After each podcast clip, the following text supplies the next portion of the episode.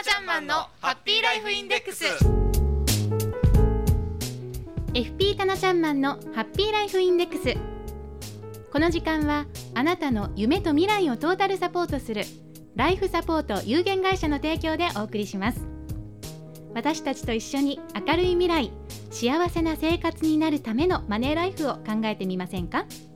タナちゃんマンから幸せになるメッセージもお届けしますよ。さああなたからの疑問質問もこの番組では受け付けています。宛先はメールアドレス fm768 アットマーク p-wave.ne.jp fm768 アットマーク p-wave.ne.jp です。お待ちしてます。さあそれでは今日も早速一級ファイナンシャルプランニング技能士そしてライフサポート有限会社代表のタナちゃんマンを呼んでみましょう。あなたもご一緒に。せーの。タナちゃんマン。はい、こんにちは、棚橋です。今日もよろしくお願いします、はい、こちらこそよろしくお願いします。はい。寒くなってきましたね。ね。はい。よろしくなってきました。11月ももう末ですからね。ね。はい。年の瀬もあっという間にもう迫ってきてしまいました。はい、そうですね。あーなんかね準備しなきゃいけないなとか、ねやっぱり年末になると気が気がな、そうですね。気がねないんで焦ってすけどもきちゃいますよね。今日はどんなおはい、話を、そうですね。あの年末も近くなってまいりましたので、えー主婦の方の楽しみの一つであるかもしれません。年末調整のねお話をしてみたいと思います。はい楽しみというかなんかこうね臨時収入的な感じがしますもんねもともとは自分のお金なんですけどね。はいはい、自分のお金なんですけれども、なんか臨時収入のような気がしちゃい、うんうんしまう、えー年末調整と。でちゃんとやっていかないとね損しちゃいますもんねそうですね。はい。で、はいあのー年末調整、えーもうぼちぼち、えーお勤め先の会社の方からですね、えー書類を出してくださいねと言われている時期かなというふうに思いますけれども、はい。えー毎月のお給料あるいはあボーナスでね、えーさえー天引きされている所得税をおこの年末調整で、はいえー終わらすと、まあ、申告をしね終わらすという形のお手続きが年末調整というものなんですが、はい。はいえーサラリーマンの方はですね、えーまあ、確定申告をせずにこの年末調整で、えー納税を済ましてしまうんですけれども、ええええ。えー会社の方からね、えー用紙をいただいてで、えー他にですね、えーいただいた用紙に記入をいただくのと同時に、えー生命保険料控除の生命保険会社から送ってくる証明書だとか損害保険料控除を受けるために損害保険会社から送ってくる支払い証明書をですね、えー添付して出していただくという形になっておりますけれども、はい。はい。そうなんですよね、はい。私も最初あの会社で働いていた時があって、はい。その時にね、ええ。初めてもらってその用紙を、はい最初意味が分からなくて、えどういうことなんだろうとか、ね。はい、聞きながらやった覚えがあるんですけれども、はい、あのはい。ほとんどの方はね生命保険加入していたりとか、いうことはあると思うんですけれども、えーたまにですねご質問を受ける質問なんですけれども、えーこの年末この時期にこの11月12月にですね、ええ。生命保険を見直したあるいは新たに加入をされた場合年末調整できないんですか？微妙な時期だとちょっと困りますよね。はい。まあ、10月の下旬ぐらいからねあの、ええ。新たに加入された方はちょっと間に合わないケースが出てきます。はい、はい、じゃあその場合はその生命保険料控除を受けれないのかあるいはその損害保険料控除を受けれないのかということなんですが決して受けれないわけではないんですね。はい、はい、だから年末調整にはあの間に合わないかもしれないんですけれども、えーま、年末調整に間に合わなかった場合サラリーマンの方はねこの確定申告をせずに年末調整で、えー納税が済みますよというお話をしたんですが実は確定申告することもできるんですよ。前にもはい。ちらっとそのようなお話、はいタナちゃんマンから伺いましたよね。はい、ちょうど1年前にもおサラリーマンの方も年末調整、えーごめんなさい、えー確定申告はい。することできますよというお話をさせていただきましたけれども、年末調整ができなかった場合、はい。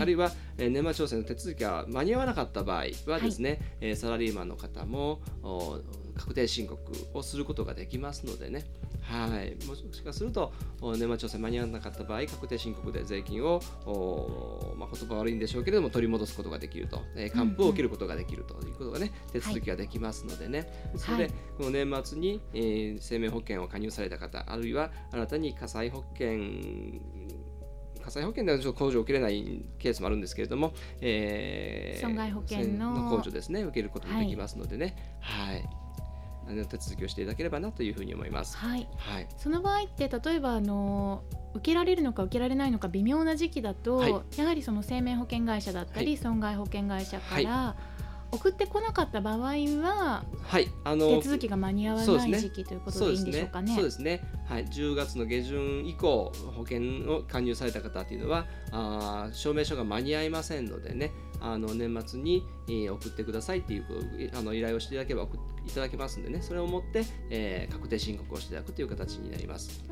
はい、ではその旨をやはり伝えないとダメそうですね。ね。はい、そうですね。あの工事を受けたいですからっていうことで伝えていただきたいと思います。年内にそれを言い忘れてしまっその生命保険会社なり、はい損保会社に言い忘れてしまった場合はもう、あ、大丈夫ですよ。あのあの発行していただきますんでね、確定申告間に合うようにしていただければ結構です。年度末の申告前にはい。そうなんですね、はいなんかついついバタバタしていると、いそういう送ってこなかったものっていうのを忘れてしまいそうな気がするんですよね。すね。あのあったのかないのかももう、ええはっきりわからなかったっていうケースもあるかもわかりませんけれあとどもね。次の年になんかプラスされるのかなとか勝手に都合よく考えてしまったりっていうケースもありそうなのではい、そうですね。まああの税金っていうのはそのその年その年で集結しますのでね。はい。絶対、えー来翌年に持ち越しっていうことは一切ありませんので、はい、確実に、えー手続きをしていただければと思います。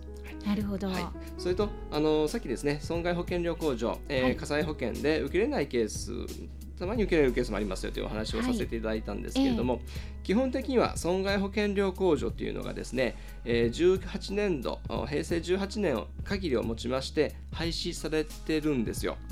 19年から損害保険料控除というのは基本的にはなくなってしまってます。あどれも。どれも。基本的にはですね、はい。だからどれもっていうわけではなくてですね、えー従来からある損害保険料控除のうちですね長期、えー長期損害保険に関わる、えー損害保険料控除は残ってます。受けれるんですけれども、じゃあ長期損害保険って何かっていうとですね、えー保険期間が10年以上であって満期の返礼金満期が来た時にお金が返ってくる契約保険契約これがですね、えー長期損害保険っていう枠組みとなりますので、うんえーその場合は損害保険料控除を受けることができます。なるほど、じゃあ掛け捨ての場合はダ含まれメですね。ないんですね。そうですね。はい。うんで、あと、えー火災保険で受けれる基本的には受けれないんですが受けれるケースがあるといったのはですね、えー火災保険で、えー地震保険をつけた場合ですね、地震保険料控除というのが平成19年から創設をされておりますので。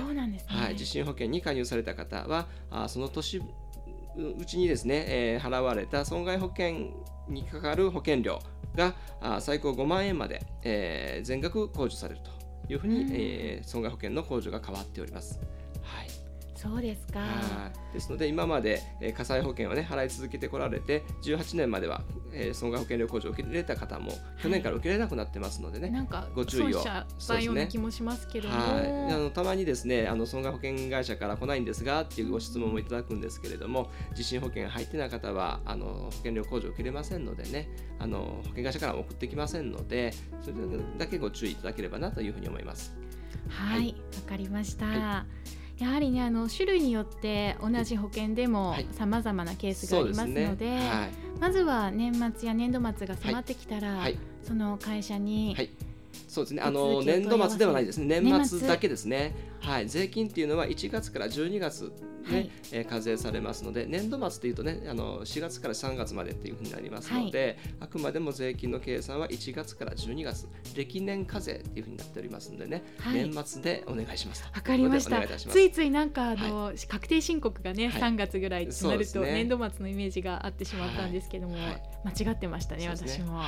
はい。わかりました。いはい、年内に済ませておかなければいけないこと、各家庭でもあると思います。年末調整そしてその書類に関する手続きお忘れなく、はい。さあ今日は年末調整のお話、えー保険料控除のお話を中心にお送りいたしました、はライフサポート有限会社のホームページこちらもぜひ皆さん過去の放送文をお聞きいただけますので開いてみてくださいね、はい。内容をもう一回聞きたい復習したい聞き逃しちゃったという方は要チェックです、タナちゃんマンと検索エンジンでアクセスできますので、えーそちらを開いてください。タナちゃんマンのちゃんだけひらがなです、はい。FP タナちゃんマンのハッピーライフインデックス。この時間はあなたの夢と未来をトータルサポートするライフサポート有限会社の提供でお送りしました。それではまた来週この時間にお会いしましょう。ありがとうございました。ありがとうございました。失礼いたします